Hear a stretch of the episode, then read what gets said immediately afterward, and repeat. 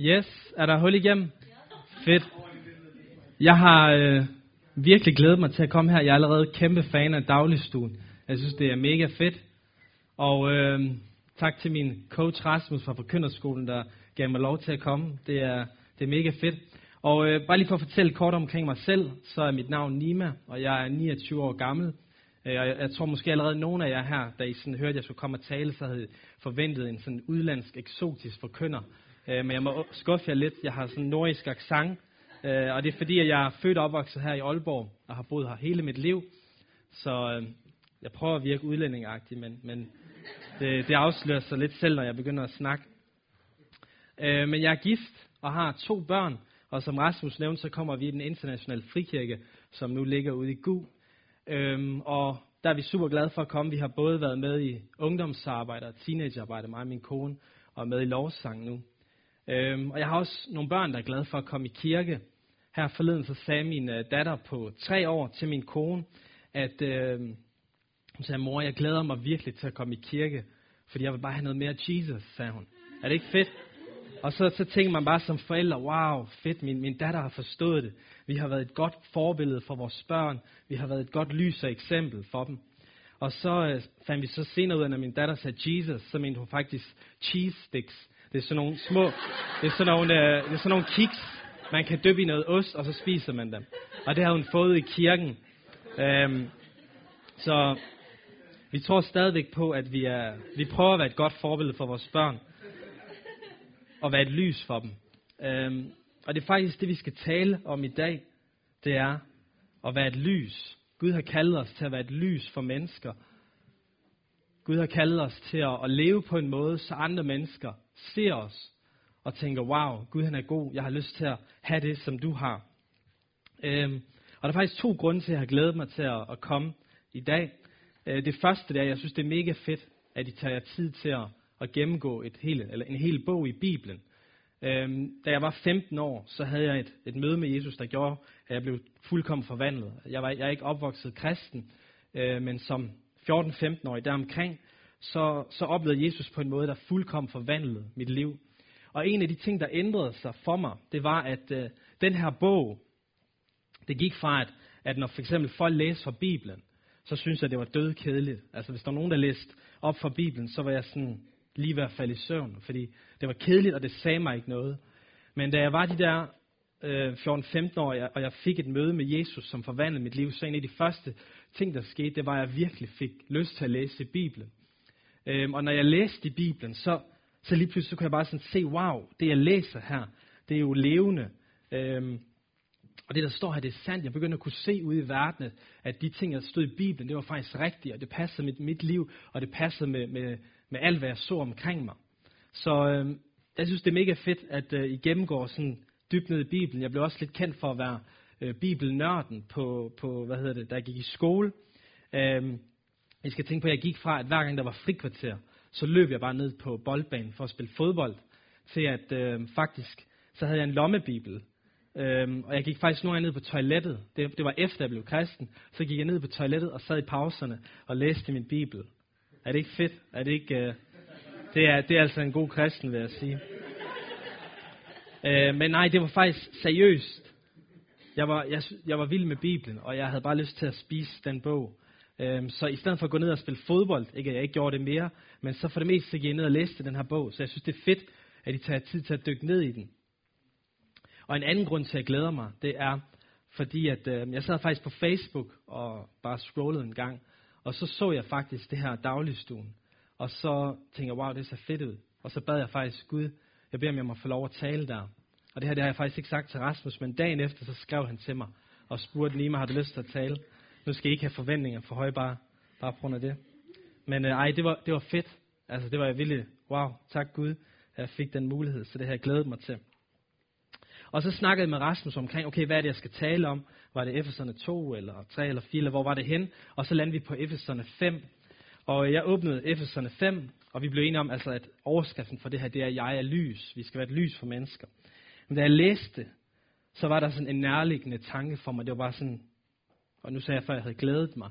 Så min nærliggende tanke, det var bare sådan, wow Gud, hvorfor har du valgt mig til den her opgave? Det her, det er jo, det her det er jo virkelig vildt, det der står her.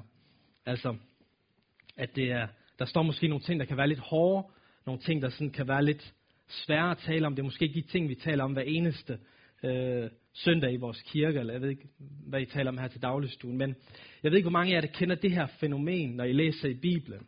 Vi har, øh, nu er det bare sådan et generelt eksempel, jeg bruger Jesus på, at når du læser i Bibelen, så har du uh, the cool Jesus, ham der er sådan en hippien. Øh, jeg havde engang sådan en t-shirt, hvor der stod, Jesus is my homeboy. Ham Jesus, vi synes, der er cool. Han siger, elsk din næste, elsk din fjender, vær god ved andre, og så videre. Øh, vi, vi har alle sammen ting, hvor vi læser i Bibelen og siger, det her det er bare mit yndlingsvers. Det her det er bare mega fedt, det der står her. Og nogle gange så møder vi det her billede. Øh, det her, det er øh, fra historien om, hvor Jesus han gik ind på templet, og så så han bare, at alt det, det skidt, de har lavet, de har lavet Guds tempel om til et stort sådan gambling sted. Så han tog hans hvad kan man sige, pisk og slog på bordene og så videre. Og nogle gange så støder vi på, på de her ting i Bibelen, hvor vi tænker, wow, Jesus, gjorde du lige det? Eller wow, Gud, stod der lige det her i, i dit ord? Øhm, og der er faktisk også nogle kirker desværre, som laver sport ud af at tage de ting i Bibelen, som de synes er hårde eller svære, og strege det ud, eller vil aldrig tale om det, og pakke det væk. Øh, men Gud han ønsker, at vi skal læse Bibelen, hele ordet, øh, for hvad det er. Øh, og Jesus han siger faktisk noget genialt. Lige nu der er jeg bare ved at prep jer til, til Efeserne 5, fordi der er nogle, nogle hardcore, men gode ting. Jesus han siger faktisk, salige er de, som hører mine ord, men ikke bliver faret på mig. Med andre ord, lykkelig er du, hvis du hører hans ord. Ikke bare alle de, de dejlige, rare ting, men også de ting, der kan være lidt udfordrende og provokerende. Og så du ikke bliver farvet. At du rent faktisk siger, hey, Jesus, det der du siger, det rammer mig. Men jeg vil, jeg vil tage det til mig, og jeg vil prøve at overveje det, og jeg vil prøve at finde ud af, hvordan jeg kan, kan passe ind i det. Øhm, så inden vi hopper ned i Efeserne 5, så vil jeg faktisk allerede gerne nu have, I bare lige bruger tre minutter på at snakke om, øhm, hvad er det for nu? Er der måske nogle svære ting, du ser i Bibelen? Altså er der nogle bestemte emner, hvor du virkelig synes, wow, det her det var svært, det her jeg læst. Og så min, mit udfordrende spørgsmål, det er, hvordan kan du stadigvæk se Guds kærlighed i de svære ting? Jeg vil påstå, at Jesus han var stadigvæk kærlig, selvom han gjorde det, han gjorde der. Så jeg ved ikke, om I forstod spørgsmålet, bare lige kort omkring, hvad, hvad for nogle svære ting har du måske læst i Bibelen, eller synes er svært? Og hvordan tror du samtidig, du kan finde Guds kærlighed i nogle af de her svære udfordrende ting? Så bare lige tre minutter med det. Og så hopper vi ind i Efeserne 5. Jeg ved godt, at øh, tre minutter, det er, ikke, øh, det er ikke lang tid til at snakke om sådan nogle vildt dybe emner. Specielt når vi taler om, hvad der måske kan være udfordrende. Men i Efeserbrevet kapitel 5, fra vers 1-2, der læser vi noget rigtig dejligt i starten.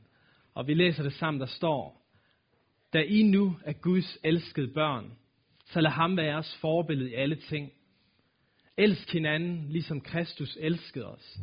Han gav afkald på sit liv for vores skyld, og bragte sig selv som et livsligt duftende offer til Gud. Og jeg vil bare lige sige, vi kommer til at fokusere på de første 14 vers i Efeserne i dag, og så læser vi bare det sidste til sidst og, og tager det kort. Men de første to vers her, der slår Paulus det lige fast. Også nogle af de ting, som I har lært i ugerne op til, det er, prøv at høre her, I er Guds elskede børn. Gud han elsker jer. I hvert fald dem, som har taget imod Jesus som deres frelser. Og han slår også fast her, at, at han gav afkald på sit liv for vores skyld. Altså han understreger lige Guds kærlighed til de her mennesker, han er ved at skrive til. Fordi han også ved, at der måske kommer noget lidt hårdt nu. Men han slår virkelig fast, prøv at høre, Jesus han gav sit liv for jer. Han gav afkald på sit liv. Han har elsket jer. Og der er ikke nogen, der nogensinde kommer til at elske så meget, som han gør. Øhm, og en anden ting, som, som I selvfølgelig har lært i løbet af den her øh, efterbred, det er, at vi er frelst ved noget. Altså den måde, man som kristen får fred, eller som menneske får fred med Gud, det er ved, ved Guds nåde, ved at tage imod, hvad Gud har gjort for os. Nemlig det, at han gav hans søn. Vi ved, at alle religioner i verden, de siger, at, at for at komme i himlen, eller for at finde frem til Gud, så er du nødt til at gøre det her, og det her, og det her, og det her. Du skal overholde alle de her ting, for at have fred med Gud. Men kristendoms budskab er fuldkommen modsat. Den siger, at, at vi har alle sammen fejlet i forhold til det her, det her, det her. Vi har alle sammen syndet og mistet herligheden fra Gud. Så kristendom siger ikke, hvad er det for nogle ting, du skal gøre for at finde frem til Gud. Kristendom siger, Gud gjorde det her for at nå dig. Gud han offrede sin egen søn for dit skyld, for din skyld, for at du kunne finde fred med Gud og finde en forlid med ham. Så det er det klare budskab i kristendom, at du kan ikke gøre nogen god gerning for at blive frelst. Det er kun ved at tro på Jesus, og ved at tro på, at han gav sit liv for din, for din skyld. At Jesus han døde på korset for dig. Fedt. Det her det er dejligt at læse. Nu kommer det. Boom. Er I klar? Prøv lige at holde fast i sofaen. Nu siger han, han snakker til, til kirken, husk på det. Han siger, seksuel synd, umoralske handlinger eller griskhed må ikke forekomme hos jer, for det hører ikke hjemme blandt Guds folk. Nogle af jer tænker allerede, at det her er det samme kapitel. Hvordan kan han lige switch over i det der? Uanstændig snak, tåbelighed og ondskabsfuld ironi passer sig heller ikke for kristne. Brug i stedet for munden til at takke Gud. Og I kan, ikke, og I kan være sikre på én ting. Folk, der lever i seksuel synd eller anden umoral, eller griske personer, vil ikke Fordel i Kristi og Guds rige. Griskhed er nemlig en form for afgudstyrkelse. Lad ikke bedrage med tomme løfter om, at der ikke sker noget ved det. For Guds dom vil ramme dem, der lever i oprør med ham og gør sådanne ting. Derfor må I ikke gøre fælles sag med sådan slags mennesker. Øh, nu sagde jeg før, at det var mega fedt, da jeg blev kristen som 14-15-årig, og jeg virkelig læste meget i Bibelen.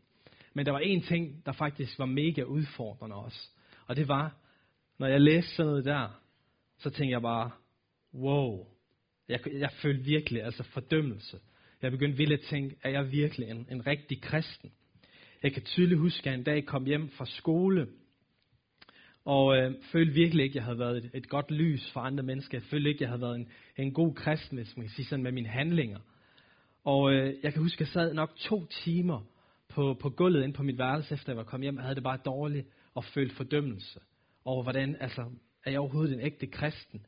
Jeg, det er ikke lige det her, jeg læste, men eksempler på ting, hvor der står i Bibelen om, hvordan vi skal leve som kristen, som det her. Og når jeg læste det, jamen, så havde jeg det bare, ja, det ramte mig virkelig, og jeg følte virkelig meget fordømmelse. Og man kan virkelig også spørge sig selv, jamen, hvordan kan Paulus sige det her? Hører vi ikke igen og igen i kirken, at hey, Gud elsker os ubetinget. Det er lige meget, hvad du gør, så øh, elsker Gud dig. Du kan aldrig gøre så meget godt, at Gud vil komme til at elske dig mere. Han elsker dig lige som du er. Er det ikke det, vi hører igen og igen i kirken? Og det er også sandt. Det er sandt, at Gud han elsker os ubetinget. Og der er ingenting, vi kan gøre fra eller ting til, øh, som vil ændre Guds kærlighed til os. Men der er noget, som, som Bibelen faktisk taler klart om. Og det er, at, som jeg sagde i starten, vi er frelst ved noget. Det er helt gratis, hvis man vil tage imod Jesus i sit liv, fordi han har allerede betalt prisen. Vi er frelst ved noget. Men, men Bibelen er meget tydelig og siger, at vi er også forvandlet ved nåden. Altså vores liv bliver forvandlet ved nåden. Og vi bliver også forvandlet til at være et lys for verden. Jeg tror, det var det tema, Rasmus havde sidste gang, at jeg er ny. Altså når vi bliver kristne, så bliver vi et nyt menneske. Gud han forvandler os altså. Så, så det er noget, vi skal til at have, have ind i vores hoved omkring nåden, at nåden, den forvandler os. Øh, vi har lige nu haft i kirken det her med 500 år øh, reformation, hvor vi har fejret øh, alt det her med Martin Luther. Øh, og en af de ting, som Martin Luther han jo slog klokkeklart, det var, at det her udtryk, øh, retfærdiggørelse ved tro, Altså igen, den eneste måde, man kan få fred med Gud, det er ved at troen. Det er ikke som for eksempel man gjorde i den katolske kirke, hvor man kunne betale sig for at komme i himlen eller for tilgivelse for synder. Det er kun ved troen på Jesus. Men der er et udtryk, som vi i kirken har glemt lidt, og det er et andet udtryk, der hedder helliggørelse. At når du er retfærdiggjort, retfærdiggjort så starter Gud faktisk en proces i dig, hvor han helliggør dig. Og det fantastiske i Bibelen, det er, at det, det er faktisk Gud selv, der gør det, og virker det igennem os. Der står et sted, at, at Gud, øh, i hvad hedder det, i Galaterne, at Gud virker både i os at ville og at gøre det gode. Så vi er frelst ved noget, men også forvandlet ved noget til at være et lys for mennesker. Hvis vi lige tager den sætning, jeg lige sagde, og så går vi hen til ham der, den, den 14-årige Nima, der sidder på hans værelse og bare føler fordømmelse, for jeg lige har læst det der, og sagde til ham, Nima, du er frelst ved noget, men du er også forvandlet ved noget. Så tror jeg faktisk, at Det er ikke sikkert, at det vil hjælpe mig. Jeg tror måske bare, at jeg vil føle endnu mere fordømmelse, fordi, okay, hvis jeg også er forvandlet ved noget, hvorfor er mit liv så ikke fuldkommen forvandlet, og hvorfor er det, jeg læser nogle af de her ting, og føler ikke helt, at jeg kan, kan leve op til det. Fordi jeg tror alle sammen, at vi kan, vi kan kæmpe med nogle af de ting, der står her, altså seksuel søn. Jesus han siger, den der bare begærer en anden kvinde i sit hjerte, allerede begået utugt, øh, griskhed. Det er noget, jeg tror alle kæmper med. Afgudstyrkelse, det er bare at sætte noget over Gud i dit liv. Så, så hvad skal egentlig hjælpe den her 15-årige Nima, som vi snakkede om før, som sidder på sit værelse og føler fordømmelse? Og jeg føler, at Gud han faktisk talte til mig noget, som virkelig hjalp mig i forhold til det her. Jeg glemte at sætte min tid i gang efter spørgsmål, så I må lige holde godt fat i mit øre, hvis jeg går over tid i dag. Øhm, ja, hvad skal hjælpe den her 15-årige Nima? Jeg føler faktisk, at Gud han viste mig noget, som jeg virkelig har givet mig faktisk fred i forhold til, når jeg læser nogle af de her svære ting i Bibelen. Og det var, at Gud han viste mig, der er kæmpe forskel på en kristen, som kæmper med synd, og på en kristen, som bevidst accepterer synd i sit liv.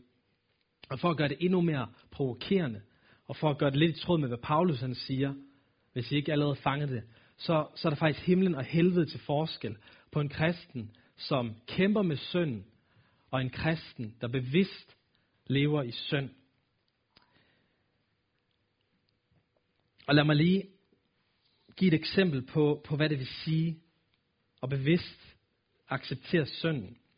Forestil jer, at, at efter jeg har... Hvorfor holder jeg den her som den mikrofon? Det er faktisk fordi, jeg skulle tale om, at i aften, når jeg har talt, Forestil i aften, når jeg har talt, og jeg har holdt en god prædiken måske, og nogle af jer går og tænker, wow, ham der Nima, det var, det var cool, det han kom med, og det var fedt. Og så, øh, så går jeg så hjem og sætter mig i, i min sofa, og tager lige min wife-beater på, og drikker et par øl, og så på et eller andet tidspunkt, så bliver jeg provokeret over, eller min kone siger, og så går jeg ellers bare i gang med at tæske hende og banke hende.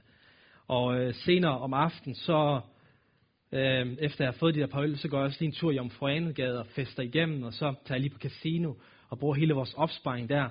Og ellers så, når klokken er to om natten, så finder jeg mig også lige en, en, en ny dejlig kæreste, som jeg lige kan være sammen med der om aftenen. Jeg har stået her og forkyndt og fortalt om Jesus. Jesus han er det bedste. I skal være et lys. Og så går jeg hjem og gør alle de her ting. Kan I se, der, der er noget galt? Altså, det, det stemmer ikke. Det er lidt ligesom, øh, når jeg spiller fodbold. Så scorer jeg et mål, og så siger jeg, Ronaldo! Jeg mener selvfølgelig ikke Cristiano Ronaldo, jeg mener den gamle Ronaldo, men det kan godt være, at jeg kalder mig selv Ronaldo, men det, det er ikke ens betydende med, at jeg er det. Øhm, og hvis vi fører den til dørs, med, hvis jeg levede den her livsstil, samtidig med at jeg bare kalder mig kristen, der er ikke noget problem der, jeg er kristen, men jeg er også massemorder i, i min fritid. Øhm, men jeg er kristen, og jeg tror på Jesus, og jeg er frelst ved nåden. Hvis det var sådan, jeg, jeg sagde, og jeg samtidig levede på den her måde, øh, tænk hvad det egentlig vil gøre ved mine børn også. Mine børn, de vil se mit eksempel, og tænke, jeg vil aldrig have noget at gøre med det der kristendom. Hvis det er sådan her, det er at følge Jesus, så vil, jeg, så vil jeg aldrig nogensinde have noget at gøre med det. Jeg vil faktisk være skyld i, at mine børn valgte Jesus frem med stor sandsynlighed. Så som kristne, der er vi kaldet til at leve et liv, hvor vi er et, et lys for andre. Øhm, og, og hvis jeg levede på den her måde, så var jeg faktisk et meget farligt sted i forhold til, hvad Paulus siger, medmindre jeg selvfølgelig omvendte mig fra det. For at lige give et andet eksempel, så kunne vi snakke om Betelkirken. Det er super fedt, det her, I har gang i. Øh, og jeg ved også gerne, at I ønsker, at folk skal komme udefra og bare få et møde med Gud og blive forvandlet. Men forestil jer, at efter folk har været her og hørt en god prædiken, så, øh, så bagefter, så den måde folk er på, der er nogen, der sådan bagtaler, og så er der lige en slåskamp dernede, og, og halvdelen af jer går i seng med den andens kæreste, og I snyder og lyver alt muligt. Altså, og Gud han ser ned på det og tænker, jeg vil gerne have, at folk skal tiltrækkes af mig. Jeg vil gerne have, at folk skal se, at, at jeg er god, og så er det det her, I viser folk. Heldigvis så tror jeg ikke på, at det er sådan her i Betel. Jeg tror på, at, at I er et helt andet sted, og det er fedt. Men jeg har lige talt omkring det, der beskriver en kristen, der bevidst lever i synd. Og det er det, Paulus han advarer imod her. Lige om lidt, så skal jeg snakke om, hvad, hvad, hvad betyder det så at være en kristen, der kæmper med synden? Men jeg vil gerne have, at I allerede nu bare lige sådan reflektere. Jeg ved godt, stemningen kan godt være lidt tung lige nu. Men prøv bare lige at, at snakke kort omkring, øh, hvad tænker du om det, jeg lige har sagt? Om at, at en kristen, der bevidst lever i synd, på en eller anden måde falder ud for Guds nåde, ud for det her, Paulusen siger. Øh, giver det mening i forhold til, hvad vi normalt hører i kirken? Giver det mening med, med hvordan du ser Gud øh, og nåden? Var det spørgsmål sådan nogenlunde forståeligt? Okay, tre minutter til den. Yes. Yes. Jeg håber, I har fået nogle øh, gode snakker om det. Og hvad hedder det? Så, så jeg har beskrevet lidt omkring, sådan, hvordan det ser ud, sådan kristne, der bevidst lever i synd. Nu kommer de, de fede nyheder. For nu laver Paulus lidt et twist her i vers 8. Og jeg føler her, der beskriver han lidt, hvordan det ser ud, anderledes ud, når, når vi taler om en kristen, der, der kæmper med synd. Der står, jeres liv lå engang i mørke, men nu er I kommet ind i Herrens lys. Så jeg føler lidt, han laver sådan lidt, at han, han nævnte lige alle de her ting, som var, var skidte. Men så siger han, men jeres liv, jeres liv lå engang i mørke, men nu er I kommet ind i Herrens lys. Hvad betyder det at være i Herrens lys? Og jeg tror på, at være i Herrens lys, det betyder faktisk at leve i et ærligt liv med Gud. At leve i et ærligt, åbent forhold til Gud. Og det betyder faktisk, og det gør faktisk hele forskel. Det er sådan en kristen, der kæmper med synd. Han lever et ærligt forhold med Gud. Han siger, Gud, de der ting på listen. Wow, Gud, jeg synes, det er svært. Hjælp mig. Jeg kan ikke i min egen kraft. Gud, jeg har brug for din hjælp. Der er en kæmpe forskel på at have den indstilling, og have den anden indstilling, hvor man siger, jeg vil gerne tro på dig, Jesus, men, men seksuel synd, ah, jeg er 20 år gammel, jeg har, jeg har brug for det der. Altså, der er en helt anden ydmyghed i, i det her med at være i Herrens lys, hvor du, hvor du lever et åbent liv med Gud, hvor du lader ham belyse hele dit liv. Og han kender alle dine svagheder, alt hvad du kæmper med. Og det er okay at kæmpe med synd. Det gør vi faktisk alle sammen. Vi skal alle sammen kæmpe mod synd. Og, og når vi falder, så skal vi bare rejse os op og bede Gud om tilgivelse. Men, men der er altså en kæmpe fors, forskel på det her hjertets indstilling. Gud han ser faktisk ikke på, i forhold til alle de der forkerte ting, vi snakker om før, hey, hvor god er du egentlig til at overholde det her? Han kigger faktisk mere på, hvad er dit, hvad er dit hjertes indstilling? Hvis du er i Herrens lys, så er du ærlig over for Gud og siger, hey Gud, jeg har brug for din hjælp til at besejre de her ting i mit liv. Gud, hjælp mig til at klare det. Vi kan faktisk ikke klare det i vores egen kraft. Vi har brug for Guds hjælp. Og det er det, der kendetegner den kristen, som, som er i Herrens lys. Det er en kristen, som selvfølgelig vil kæmpe med synden. Men han kommer til Gud, når det går galt. Altså det andet eksempel, jeg gav, der, der prædikede en ting, og så gik jeg hjem og gjorde lige, hvad jeg ved med min kone, og hun skal i hvert fald ikke have nogen undskyldning. Og jeg er stadigvæk en god kristen. Altså kan I se, det, der er noget hyggeleri, der er noget dobbeltliv i det andet liv, som jeg taler om. Den her kristen er kendetegnet ved, at han er faktisk ked af det forkerte, han har gjort. Og han kan godt se, at han har brug for at vokse.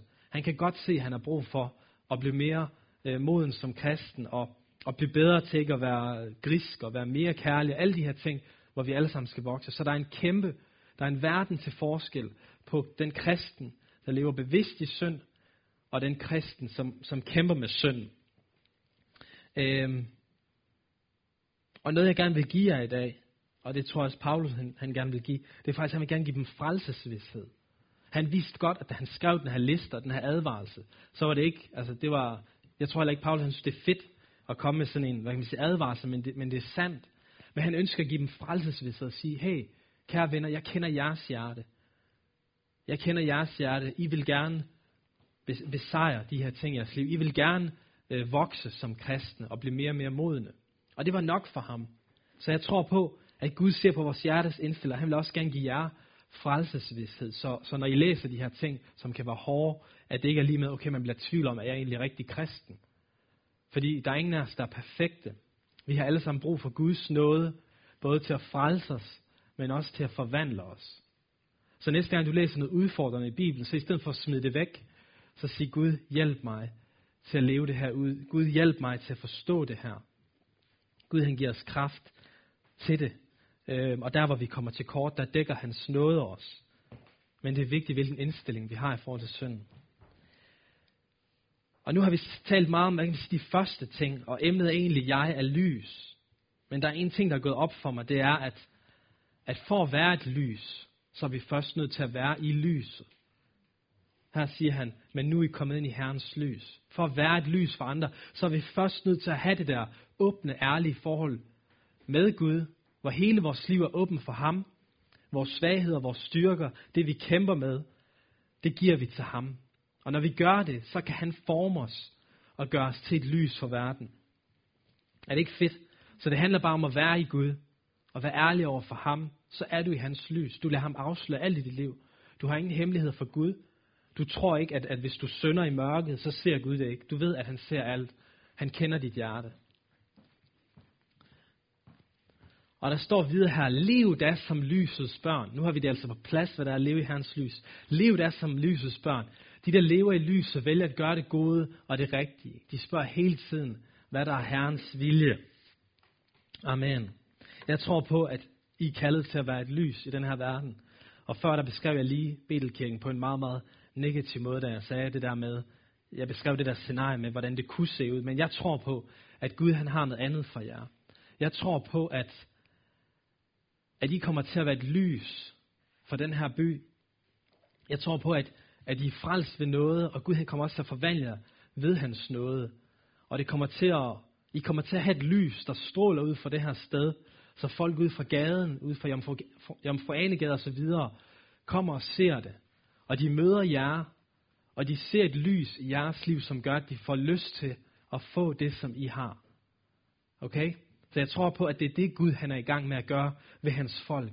Han er ved at lære dem om at være i ham, i hans lys, i et åbent forhold med ham, hvor vi er fuld ærlige. Og så gør han os også til et løs, Og det tror jeg på, han er ved at gøre ved jer. Jeg tror på, som kristen, et af de største problemer, det er tit, vi undervurderer øh, det lys, vi er. Øh, jeg, kommer nu, jeg kommer til at tænke på, vi læser omkring Peter i Apostlernes Skærninger, at når han bare gik en lille tur ude på, på vejen, så hans skygge kunne helbrede mennesker. Der er en beretning om, at han gik en tur, så hans skygge helbredte en anden person. Og jeg tror på, at vi skal være mere bevidste om, hvad vi bærer med os som kristne. Når du går ind i din klasse, så er du et lys. Jeg tror på, at der sker noget helt konkret i atmosfæren, når du træder ind af din klassedør, hvis du har Jesus med dig. Øh, i mit tidligere job, hvor jeg også arbejdede som sælger, der var jeg tit til sådan forretningsmøder med nogle, med nogle høje herrer, nogle, nogle store businessfolk, direktører, chefer og sådan noget. Og jeg var bare salgstrainee. Og jeg var tit sådan, jeg kunne godt blive nervøs, og har jeg overhovedet noget at sige i det her sammenhæng, og jeg er bare en, en, en lille ung mand, og jeg ved ingenting, og så videre. Så når jeg gik ind i det der rum, så skulle jeg bare ligesom gemme mig, og helst ikke blive set.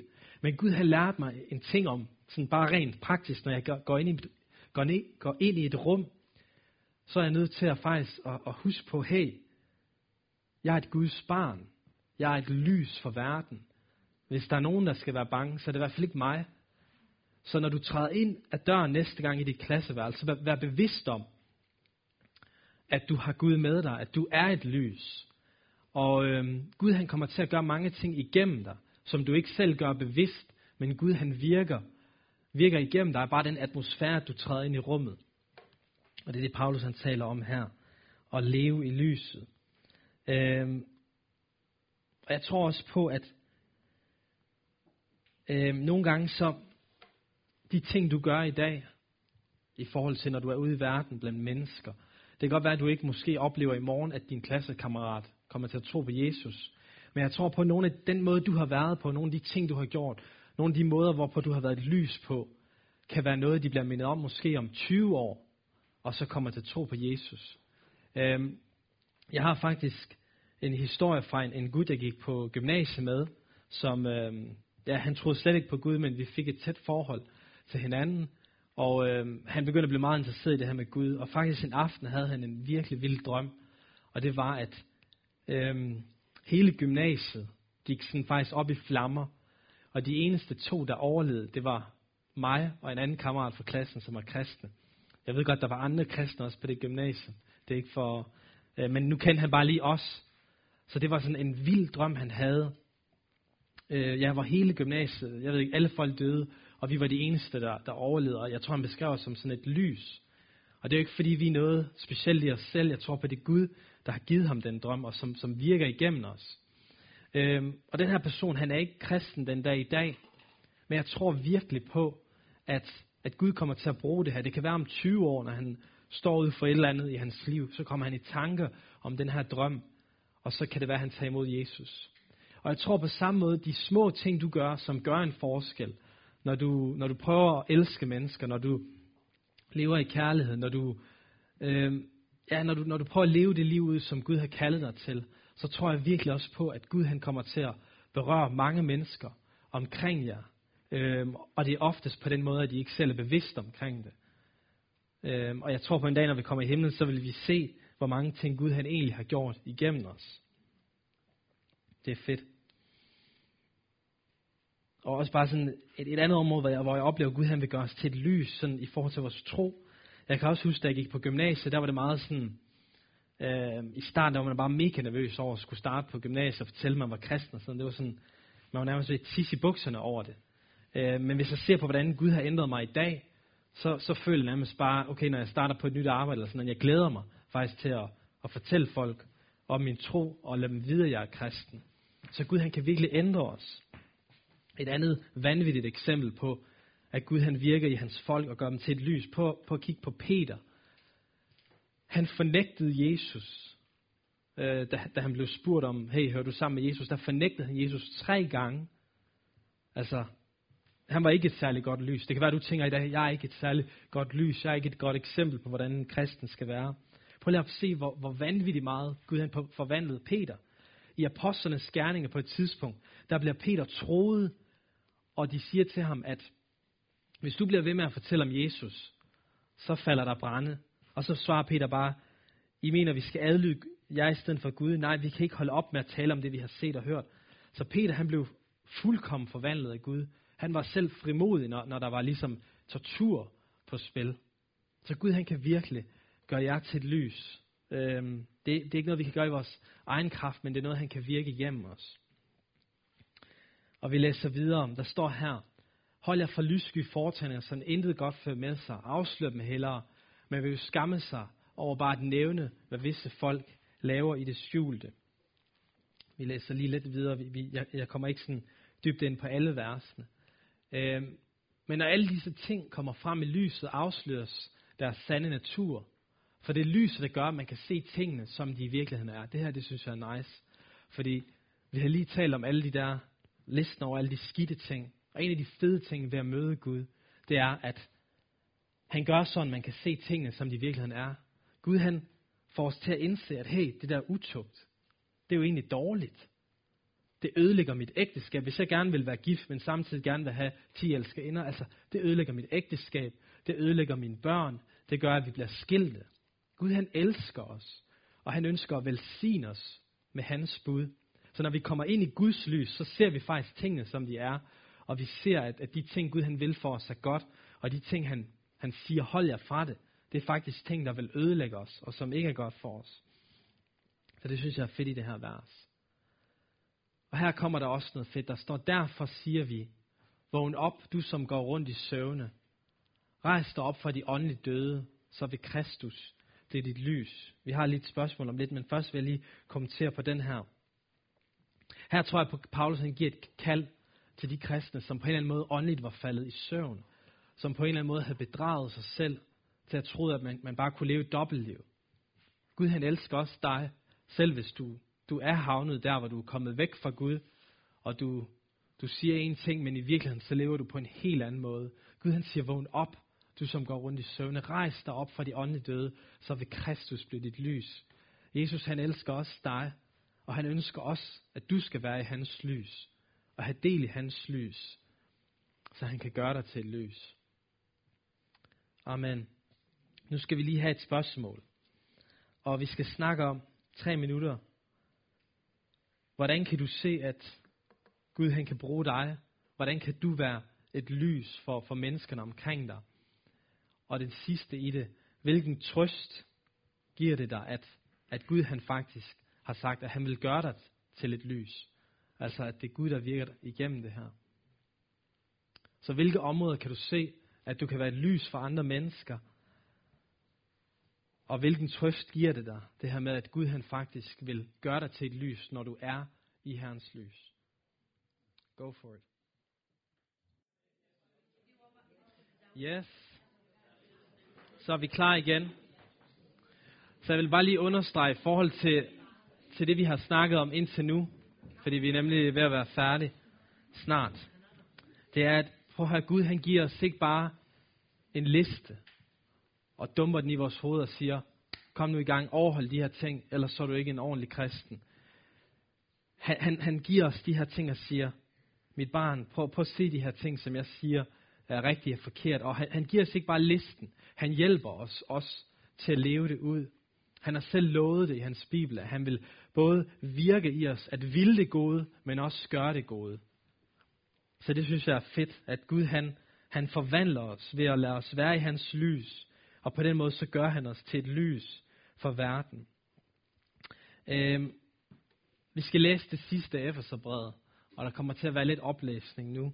Øhm, først lige her. Derfor må I nøje overveje, hvad det er, I gør. Opfør ikke som de uvise, men lev klogt og besindigt. Så bare lige endnu flere gode tips fra Paulus. Udnyt enhver chance for at gøre det gode, for I lever i en ond verden. Vær derfor ikke tankeløs, men prøv at forstå, hvad der til enhver tid er Herrens vilje. Drik ikke fulde, for det får jeg bare til at skære ud. Nej, lad jeg fylde helligånden. Så der er lige det, det der skriftsted i Nye Testamentet, der siger meget klart, at som kristne skal vi ikke drikke os fulde. Øhm, vi er fri til at være os selv, uden at drikke os fulde. Vi behøver ikke at, at gå med masker til dagligt. Vi kan bare være os selv, som dem vi er, fordi vi ved, at der er en Gud, der elsker os ekstremt meget. Så vi har ikke brug for at drikke os fulde, for at kunne slippe maskerne og være frie. Det er fedt. Og jeg skal til en julefrokost her om to uger på mit arbejde, hvor alle skal drikke, men det kan godt være, at jeg kommer til at sippe lidt, men jeg behøver ikke at være fuld, og normalt så ville jeg synes, det var pinligt og akavet og så videre, og hvis folk spørger mig, men, men jeg har det fint med det. Jeg, jeg hviler i at være den, jeg er i Gud, for jeg ved, at han elsker mig. Opmuntre hinanden med lovsang, står der vers 19. Salmer og åndelig sang. Lovsyng Herren i jeres hjerter, og sig altid tak til Gud, Faderen, for alt, hvad I har fået gennem vores Herre Jesus Kristus. Igen, han slår fast, alt hvad I har fået, altså alt hvad vi har fået, det har vi fået af Gud. Også selv evnen, evnen til at leve helligt, evnen til at leve rent, evnen til at leve for Gud, det har han født i os, det har han givet os den vilje, når vi har taget imod Jesus som vores frelser. Det sidste, vi skal læse, det handler omkring ægteskabet. Og det læser vi bare lige livet af landevejen, og så vil jeg bare lige kort kommentere det til sidst. I skal ære Kristus ved at underordne hinanden. En kvinde, der er gift, skal underordne sig sin mand, ligesom hun underordner sig Kristus som herre. En mand har nemlig ansvar for sin kone, ligesom Kristus har ansvar for menigheden. Menigheden er jo hans læme, som han gav sit liv for at frelse. Igen Guds kærlighed til, til menigheden, til hans kirke. Ligesom menigheden under, underordner sig Kristus, bør kvinderne underordne sig deres mænd i alle ting. Så manden siger, vis din kone den samme kærlighed, som Kristus viste menigheden. Han offrede sit eget liv for menighedens skyld. Igen, Guds kærlighed midt i et kapitel, som vi måske synes er hårdt. Ligesom en brud beredes til at møde sin brudgom ved at gennemgå et rensende bad, gør sig smuk og indviser til at leve i troskab og renhed sammen med sin mand, sådan er menigheden blevet beredt til at blive kristig brud. Han gav den et rensende bad ved Guds ord, for at kunne føre den til sig, så, øh, til sig selv som en skøn brud, der er parat til at leve i troskab og renhed sammen med ham. Og det sidste efter så bred. En mand bør have samme opoffrende omsorg for sin kone, som han har for sig selv. For det en mand gør mod sin kone, gør han i virkeligheden mod sig selv. De er jo et. Ingen bekæmper vel sit eget læme. Nej, vi passer godt på vores læme. På samme måde passer Kristus godt på os, der er hans menighed og udgør hans læme.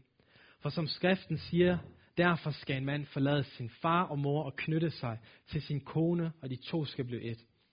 Der ligger en dybere mening skjult her. Det handler nemlig også om forholdet mellem Kristus og menigheden. Det gælder altså for jer, men at hver eneste af jer skal have lige så meget omsorg for sin kone, som man har for sig selv. Og konen skal have respekt for sin mand. Så ham der er Nima, vi snakkede om, som tæsker hans kone, Øh, han kunne godt lære noget, når han lige læste det her. Og spørgsmålet også, når han læser det. En kristen, der bevidst sønder, han siger bare, pff, det der, det var, det er et, et kapitel fra Gamle Testamentet, der kom ind i det nye, eller et eller andet. Jeg vil komme med en anden undskyldning. Men hvis mit hjerte var det rigtige sted, så vil jeg læse det der og sige, wow Gud, jeg er fuldkommen forkert på den. Hjælp mig, tilgiv mig, ændre mig. Paulus taler her omkring ægteskabet. Og ægteskabet er sådan set en af de vigtigste sådan, grundsten i et samfund. Gud har jo skabt familien. Og hvordan får man familie uden et ægteskab? Det gør man ikke. Så ægteskabet er en af de vigtigste grundsten i vores samfund. Og her kalder Paulus os også til at være et lys for verden igennem vores ægteskab. De fleste af jer skal formentlig giftes en eller anden dag. Øhm, og desværre så er der den her statistik, som vi hører igen og igen, at i kirken, der er der samme skilsmisseprocent som ude i verden. Og det er virkelig, det er virkelig et ærgerligt vidnesbyrd på en eller anden måde øh, for kirken, at det er sådan. Det er virkelig ærgerligt. Og det er absolut ikke det, Gud han ønsker.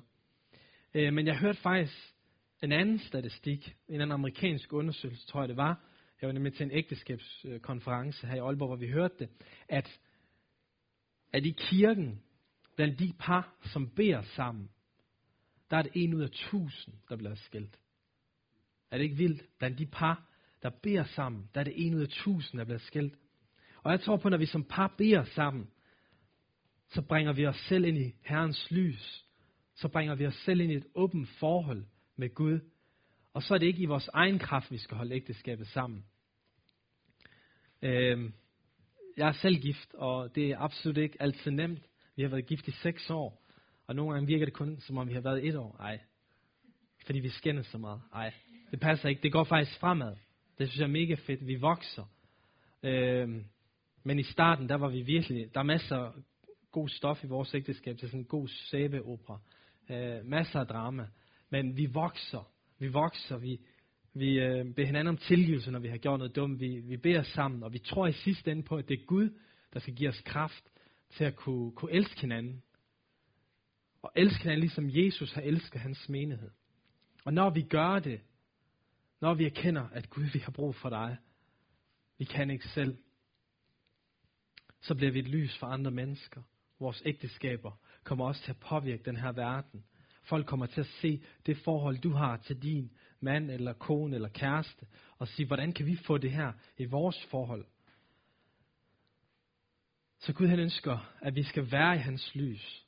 Og når vi er det, så forvandler han os også til at være et lys. Jeg vil gerne bede, kan vi få lovsang herop, fordi jeg synes, vi skal bare lige slutte af med at bede sammen. Øhm, jeg ved godt, der har været meget, og det har været sådan lidt, nogle ting har været lidt tunge. Øhm, men jeg tror virkelig på, som jeg sagde i starten, at hey, selv i de strenge ting, i de hårde ting, der måske står i Bibelen, der er så meget Guds kærlighed gemt i det. Så Gud han er ikke ude på, at du skal opleve fordømmelse i dag. Gud han er oplevet på, at du skal opleve omvendelse. Og det er noget helt andet. Omvendelse det er, at, du, at Gud han vil gerne have, at du indser, hvad du har gjort forkert, og beder om tilgivelse, så du kan blive tilgivet. Så Gud han vil gerne give dig sin kærlighed. Fordømmelse det er bare, at du er i din fordømmelse. Og det elsker satan at give mennesker. At du bare skal have det dårligt over dig selv, og hvordan du lever. Gud han vil gerne have omvendelse. Og det er at sige, Gud tilgiv mig. Jeg har brug for dig. Og det elsker Gud, fordi han er bare klar til at give sin kærlighed, når vi omvender os. Gud han, han elsker at give hans kærlighed til mennesker.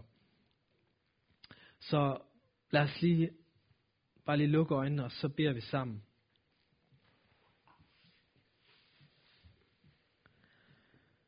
Gud, jeg takker dig, fordi at, at du elsker os. Tak Gud, far, fordi at vi er, vi er frelst ved din nåde. Det er ikke noget, vi har gjort os fortjent til her. Og jeg beder for en hver Gud, som måske kommer udefra i dag, jeg har hørt budskabet. Jeg beder om det, må, det, der må stå klart, det er Gud, at du elsker os ubetinget her. Og du ønsker, at alle mennesker skal frelses og komme ind i et personligt forhold med din søn Jesus. Vi er skabt til et liv med dig, Jesus. Du er mening med livet. Og du elsker alle mennesker. Du gav dit liv for alle mennesker. Og det eneste, det kræver, det er bare at række hånden ud til dig i aften og sige, Jesus, frels mig. Jeg vil gerne lære dig at kende. Kom ind i mit liv. Tak fordi du frelser mennesker ved din kærlighed. Det er ikke noget, vi kan gøre os fortjent til. Der er ingen af os, der fortjener din kærlighed. Men Gud, jeg tager dig også fordi her, at din kærlighed og noget, det er altså noget, der forvandler vores liv. Så tak for din kraft, som må virke i os her nu.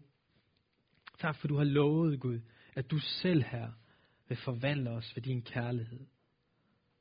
Så jeg tager dig, Gud, for du bare må virke i vores hjerte, Gud. Hvis der er nogen, der er kommet på afvej her, så er de kun en bøn væk fra at sige, Herre, tilgiv mig. Jeg kommer tilbage til dig, Gud. Hvis der er nogen, der er blevet ramt af noget i aften her, så er det bare, de er en bøn væk her. Så tak, du må røre ved hjerter lige nu, ved din helligånd her. Og kalder mennesker til et tæt forhold med dig her. Hvor vi får lov at være et lys i den her verden, Gud. Vi får lov at lede mennesker til dig, Jesus. Fordi at du virker igennem vores liv her. Det har du lovet her. Vi kan ikke i os selv. Tak for det her. I Jesu navn. Amen.